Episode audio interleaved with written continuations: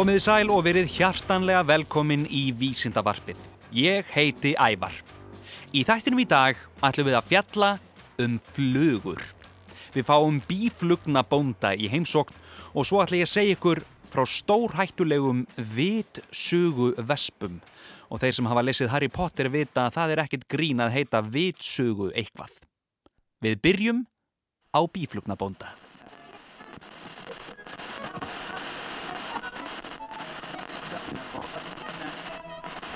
Óluf Haraldsdóttir, velkomin.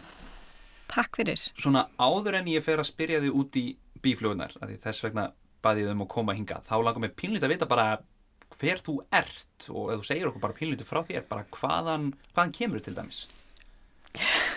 hvaðan kem ég? Ég kem úr sveitinni, rétt fyrir austan Selfoss og býð þar í hérna, uh, hliðin á foreldri mínum á sveitabæ og er þar með bífluguna mínar og hestana mína og hundin minn og vonandi hænur í sumar. Þannig ég er svona pínulíti bóndi en svo er ég líka leikona og bara svona almennt listakona held ég.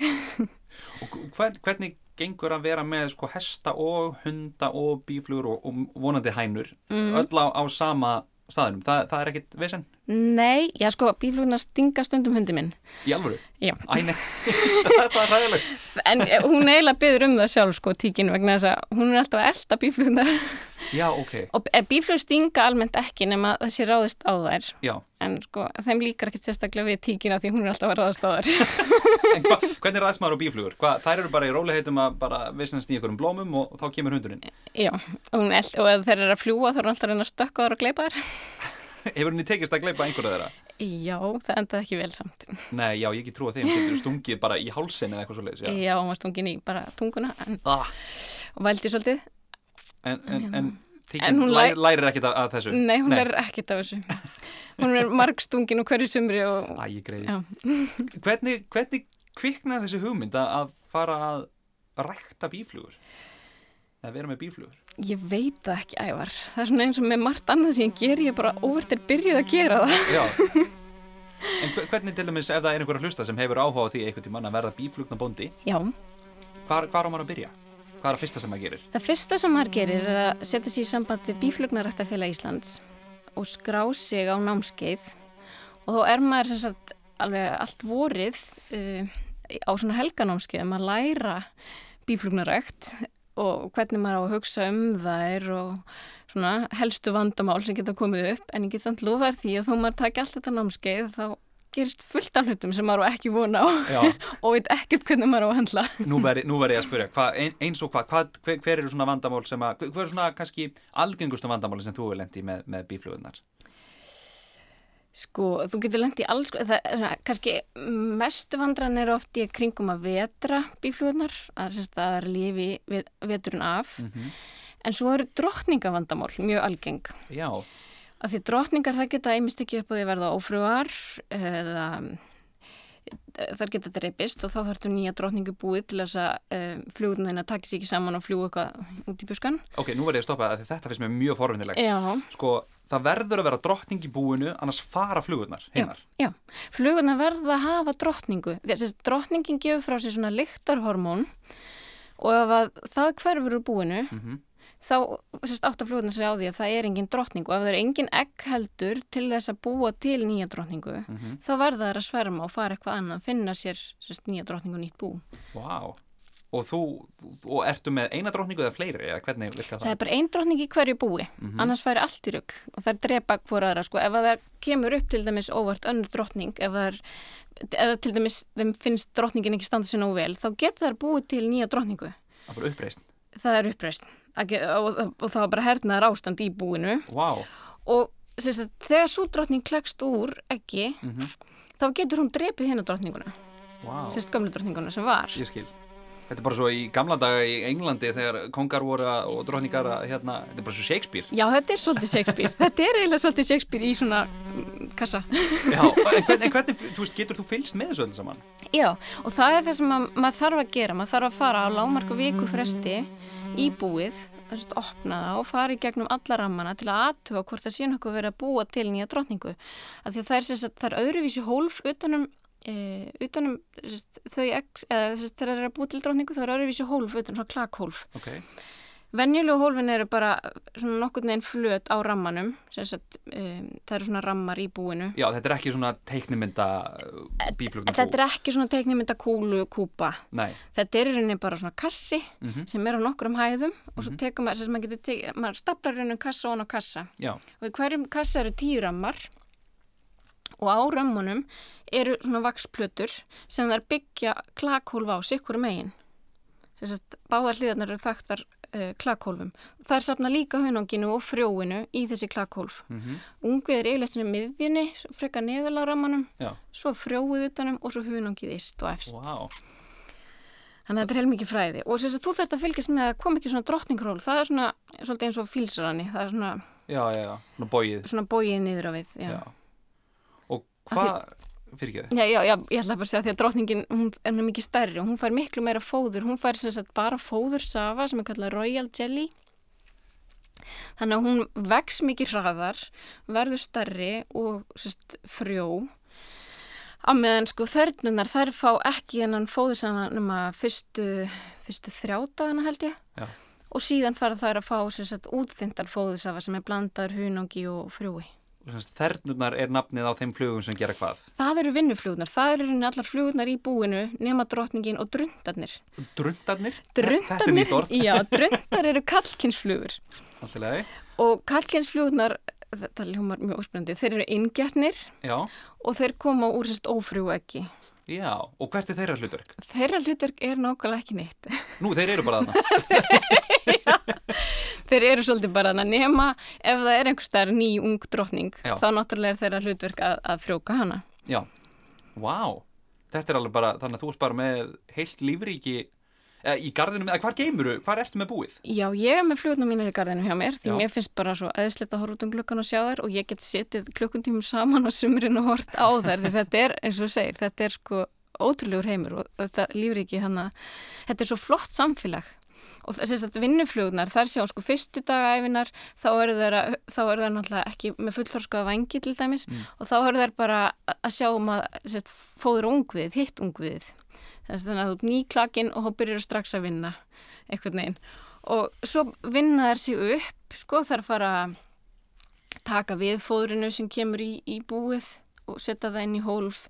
Um, þær sjáum að þrýfa búið. Þær, þær eru mjög sko hreinlegar. Já, mjög þrifnar og hérna svo, þú veist, sumar verða varnarflugur sumar eru í því að byggja veist, framleiða vaks og það þurfa mikið hunang til þess, þess að geta framleitt vaks sem það gera svona vakskirtlum sem er oftan á þeim ok. og það er alveg ótrúlegt sko, það er mörg þúsundir svona af litlum vaksflögum sem að, þú veist, byggja þetta saman og við sjáum bara eitthvað svona vaksklump þú Já. veist, en þetta er alveg þvílík vinna og það eru sko mörg hundru saman með að byggja bara eitt hólf. Þú veist, af því að þetta er, þetta er svo mikið prósess. En hvernig getur þú farið og sótt hunang og, eða hvernig, þú veist, hvernig virkar það allt saman? sko, ef það er gott ár Mhm. og það ná að sapna nú miklu hunangi þá getur maður tekið frá þeim. En maður tekur helst ekki frá þeim ef það er lélegt ár og það er bara lítið og svona, veist, þess vegna kannski bara í utanum sko ungviðið, Já, þá ert ekki að taka þeim því þær þurfa náttúrulega eitthvað til að lifa veturinn Einmitt. og á haustin og vorin reynda líka þá gefur maður bæði sigurvatn og frjódeig Mhm. til þess að, sagt, á vorin er það til þess að örfa drottninguna svo hún fari í varp mhm, og til þess að tryggja hún hafi nóg til þess að verpa því hún verpir ekki að það er lítið fæðuframbóð. Já. Og við þurfum að, við þurfum að að fá sem mesta flugum til þess að komi sem mest hunang því að hver fluga getur búið bara okkur lítið veist, og við erum að tala um mörgundur flug sem þarf fyrir bara eitt af hunangi. vá, Þannig að það, þetta er rosa mikil vinna, það er reyna alveg ótrúlegt þú stendur allt inni með fjög kíló hunangi. Þá getur ímyndaðir það er sko mörg þúsundir ferða fyrir flugurnar að fara og þær fara, svona þær duglestu kannski 15 ferðir á dag og eru svona hálftíma í ferð. Þannig að þú veist þetta er heilmikið mál. En maður vill hafa kannski svona já, 50-70 þúsund flugur í búinu yfir sumarið. Og að hausti, sérstaklega þá, þá fer maður aftur ekki, þá sérst, þegar við tökum frá þeim hunangið þá gefum við þeim aftur sigurvatn og frjóteg mhm, til þess að þær hafi eitthvað yfir veturinn af því þá ertum alltaf búin að taka hunangi sem þær voru sapna til að lifa af veturinn. Emitt. Þannig að það er tilgangurinn með, eða semst ástæðan fyrir því að þær sapna hunangi til að byrja með er Já. að undirbúa sig fyrir veturinn. Hva, hvað gera þær á vetunda? Fara þær í, í leggjast þær í hýði eins og, og eða hva, mm, ekki alveg, sko, það, það leggjast ekki beint í dvala, en er hjúpa sér saman, fara í svona þétta kúlu þar sem drottningin er í miðjunni og ungviði, ef það er ungviði í römmunum, mm. sýstir fyrir það egg, Mhm. þá þjappa þær sér utanum þar og það er yfirleitt ekki mikið, það getur verið eitthvað fram eftir hausti, svo er það ekki verið hávetur en svo frekar snemma vorin aftur byrja drottningin að verpa á þannig, að- og þá þarf kjarnhitin sérst, í innsta ringnum að vera svona 35 gráður. Já, en annars ef það er ekki ungið þá halda það svona 22 gráðum. Og en ist, sem sagt, istufljóðnar Mm þær eru svona 79 gráðu hita. Já, þannig að það kólnar því sem fyrir sko uttar í, í, í hnöttin sem Já, það mynda svona, sem maður segir á góður íslensku, kúl á kantinum. já. Já, en, það er svolítið kúl á kantinum ég myndi alveg segja það og það þóla frost, það þóla ótrúlega mikið frost sko. já, vá. það er eiginlega kemur hann óvar, það þóla kannski verð vósbúðin og þetta svona þessar umhleypingar sem eru svolítið típist íslenskt, það er svona rigning og og svo Já. kemur frost og svo aftur rigning eða svona, Já, það vilja vera meira svona annarkort eða annarkort gott viður eða rosakald. já það er eiginlega betra fyrir þær sko. En þú sagðir áðan, þú væri með hátt, eða, þú veist, í, í svona almennu búi hátt í 70.000 flugur í góðu búi, já í góðu búi. mm. Það er rosalega margar flugur. það eru rosalega marga flugur já, og þú getur ímyndað sko, hvers getið sem opna kassan þá þarf að finna drottningun og það er bara ein í þessum hóp Vá. Þannig á vitun er þú bara með hvar er valli bókina að æfa þig. að æfa mig, já, og svo, svo kemur suman og þá bara hvar er hún. já. En hve- hvernig ertu þá í svona, maður hefur séð svona í, í teiknimyndum og bíómyndum og stundum í fréttunum svona bíflugna búning. Svona, svona hvítan galla með svona, svona kassalega hvítu, svona sem maður setur á höfuðið og með neti fyrir. já. Þú átt þannig. Ég var þannig og ég á hanska, svona þykka leður hanska. Vá. Öðruvísi fyrir maður ekki búið, af því það er ákveðin árás að opna búið. Það er líta á það sem árás og maður til þess að ruggla aðeins Mhm. þegar maður fer í búið þá, hérna, setur maður svona, pumpar maður smá reik á þar, maður er með svona líti, lítin, já, ég veit ekki hvað að kalla þetta. Lít- lítinn, uh, svona kút eða Já, svona lítinn kút sem að maður er búin að kveikja upp í smá, þú veist, einhverju gamlega pappir og svo, og svo pumpa maður reiknum á þær Mhm. og þá haldar þessu komin skóaröldur, auðvitað, Mhm. og hérna, og það er svona aðeins rugglar þær, þannig að þá, sko, eru þær ekki alveg jafn árásakjarnar. Já. Og þá getur þú farið og opnað og fundið Já. drottningun og aðtuga hvort það sé nokkuð önnur að, fæðast eða... Já, og hvernig varpi gengur, hvort það er lítið eða mikið varp, ég vil náttúrulega drottningi mín verpi sem mest Mm og hvernig fóðurstaðan er búinu, þá þarf að vera nóg fóður og svona bara almennt fylgjast með hva, hvað er að gerast. Þetta er alveg magnað. En hvað er, hvað er í þessu, uh, hvað, hvað er hétta, fóður deg eða, Já, það er bara blómafrökun ok, sem er bara búið þjappa saman í þykka fóðurköku. bara svona orkustöng fyrir, Já, svolítið. Þetta er eiginlega bara próteinbar eða svona eitthvað. já, nákvæmlega, vá. En hvað, en hefur eitthvað tíma verið stungin af flugunum? Já, Já, ég hef verið stungin en það var ekki træðilegt. Nei, það er nefnilega það sem ég ætlaði að segja, það er samt ekki, það er engin heimsendir maður sé stungin af bíflugur. Það er alls engin heimsendir. Nei, Þannig að kannski, já, það getur verið mjög slemt að þú ert með ofnæmi að sjálfsögðu, en ef þú ert ekki með ofnæmi þá er þetta bara smá stingur og, núna óþægileg heit kannski einhverja daga. Já. Já, og aðalatrið bara sko fara strax svona á sér flýsatöng og kipa brottinum út já, en, en Og það er kannski svolítið mér að kenna líka bara sjálfur ef ég verið stunginu sko. já, já, já. Af því eins og ég segi, það er engin, það er stafar engin hætta af bí- bíflugum nema og sérst að ógna þeim. Einmitt, ef þú lætur þær í friði, þá láta þær Þá- þig í friði. Algjörlega. Þær vilja bara fara í næsta blóm. Og það er líka bara gott, sko, eh, sko ástæðan fyrir til dæmis að búningarnir eru hvítir er svo að sko, þetta er bara svona eitthvað innbyggt í náttúruna að sérst, ef þú ert í dökku þá ertu skóabjörn og þá ertu að hætta. Já, Þú veist þannig að ef þú ert dökklætur og þvælist í kringum bíflugnabú þá er Mhm. það ekkert mjög snuð, þá ertu svolítið að bjóða hættinu heim. ég skil. Þannig að um að gera bara, emitt, ef maður ætlar að, að, að skoða bíflugur í einhverju návi, að Já. vera allavega, já, vera náttúrulega bara í gallanum og, Að vera í galanum, vera með vettlingana og vera í stífulum, ekki opnum stregaskó með einhverju það sem, að, þú veist, að því þær fara allstaðar já, og eru snöggar. og eru mjög snöggar. En er það ekki rétt skilja hjá mér að þegar bífluga hefur stungið einhvern einu sinni og missir brottin, að þá deyr hún. Jú, þá deyrum. Þannig að hún fórnar sér til að bjarga búinu, Já. bjarga drottningunni. Já. Þetta er Shakespeare. Það er Þetta er Shakespeare. alveg hérna mikill harmlengur og líka sp- spennandi og, og skemmtilegt hvað hérna sko, nú ertu búin að vera að gera þetta hversu lengi? Ég er bara búin að vera tvö ár. Í tvö ár. Já. Hvernig sérðu framtíðina fyrir þér í, í bíflugna búskapnum? Sko, ég er svo heitluð af þessu lífriki að ég, ég sé bara fyrir mig fleiri bú og eins lengi og ég bara mögulega get. Já. Það er ekkert að stelast yfir til nágrannana, til fóröldræðina eða eitthvað slúðis? Jú, jú, jú. Svona smá? Smá. Já. En þau voru smá tíma að venjast þessu. Ég viðkynna það alveg og, og svona að meðan þau voru að læra sko að þekkja munin á til dæmis bíflugunum og geitungunum sem er samt sko tvent mjög ólíkt Já. og e, um leiðu sérð, þú veist, hvort um sig saman til Mhm. dæmis, þá, Já. er, þá ertu enga sem dátt að, já, ok, og eftir það vistu alveg Nákvæmlega hvori hvor? hvor er hvor og, og hérna og bíflugur eru henni ekkert líkar geitungum Nei. uh, og geitungur er líka bara frekar leiðilegir ef ég á sig alveg eins og er Já, þeir- en ég er líka svolítið svegt í þeir rændu búið mitt í fyrra Nú býtu, nú er það að segja hvori því. Rændu geitungar búinniðinu? Já, geitungar geta sem sagt átt að til á haustin sérstaklega að þá náttúrulega eru þeir að verða fóðulitlir Mhm. Að, að ráðast á bíflugnubú yfirleitt er það allt í læg vegna þess að bíflugnar eru yfirleitt yfirleitt bara ráðast þær á bíf á, ekki, á geitungana hópast í kringum þá og drepa þá, þess að þær mynda bara svona heit, hérna, eh, nött utanum þá og reynir steikjan. Ói. Þannig að hann er bara svona grillað til dauða ef hann vogar sér hann inn. En ég var með lítið bú sem að var átti sjálfum sér ekki mikla lífsvon nema ég saminaði öðru búi Mhm. Og það þóldi ekki ára. Þau, þær voru ekki nóg margar til þess að verja sig. Æ, nei. Þannig að geitungar þið komist inn? Geitingundi komist inn og rændu öllu úr búinu. Og það gerðist á einn degi, þú veist, þannig að þó ég væri alltaf að fylgjast með Já. og sá ég þetta um morgunin og um miðjan dag þá var allt farið. Æ, nei. Þannig að ég er ekki trefin að geitungum, en ég er mjög hrifin að bíflugum. Frábært. Ólöf Haraldsdóttir, bíflugnabóndi, Já, takk fyrir þetta. Mér þykir þetta einstaklega spennandi. Takk fyrir innlitið. mín var ánægan.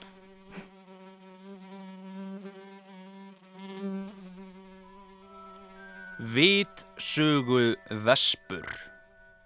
Til er dýrategund sem er svo hræðileg að hún hefur verið nefnd í höfuðið á vitsugunum úr Harry Potter bókunum. Þetta eru hinnar svonemdu vitsugu vespur eða á ensku Dementor Wasps. Í bókunum um Harry Potter eru vitsugurnar stór hættulegar verur sem soga allt það góða úr fólki og æra það á endanum. Þessar viðbjóðslegu vespur sem hér um ræðir í dag, þær soga kannski ekki allt þið góða úr bráðsynni, en þær eru stór hættulegar engu að síður. Þegar þær verða svangar, þá eh, borða vespurnar kakalakka. Og kakalakkar eru dýrategund sem fær mig til að yða í skinninu af viðbjóði og þær veiða þá svona. Vespurnar koma fljúandi, stinga kakalakkan, sprauta eitri í maga hans og breytunum í svokallaðan uppvakning. Það þýðir að kakalakkin getur ennþá hreift sig en hann hefur enga stjórn á líkamannum. Vitsugu vespan grípur í fálmarana framan á kakalakkanum, dregur hann út í næsta hotn og getur hann þar lifandi.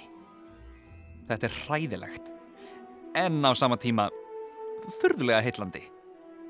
Eina landið þar sem þessi vespa hefur fundist er Tæland og hún fannst fyrst árið 2014. Náttúruminjasafnið í Berlín, Museum für Naturkunde, bauð 300 gestum að velja nafn á tegundina og nafnið Vitsugu Vespa varð ofan á. Við skulum vona að það líði langur tími þangar til þessi Vespa ákveður að koma hinga til Íslands í sumarfrí. Þættinum er lokið. Ég vil eh, minna á heimasíðu þáttarins krakkarúf.is skástrík ævar A-E-V-A-R en þar er hægt að hlusta á öll vísindavörpin og líka horfa á alla sjómanstættina mína. Ég vil sömu leiðis þakka Ólufu Haraldsdóttur bíflugnabónda kærlega fyrir innlitið. Þetta er ævar vísindamaður og einhverjar flugur greinilega yfir og út.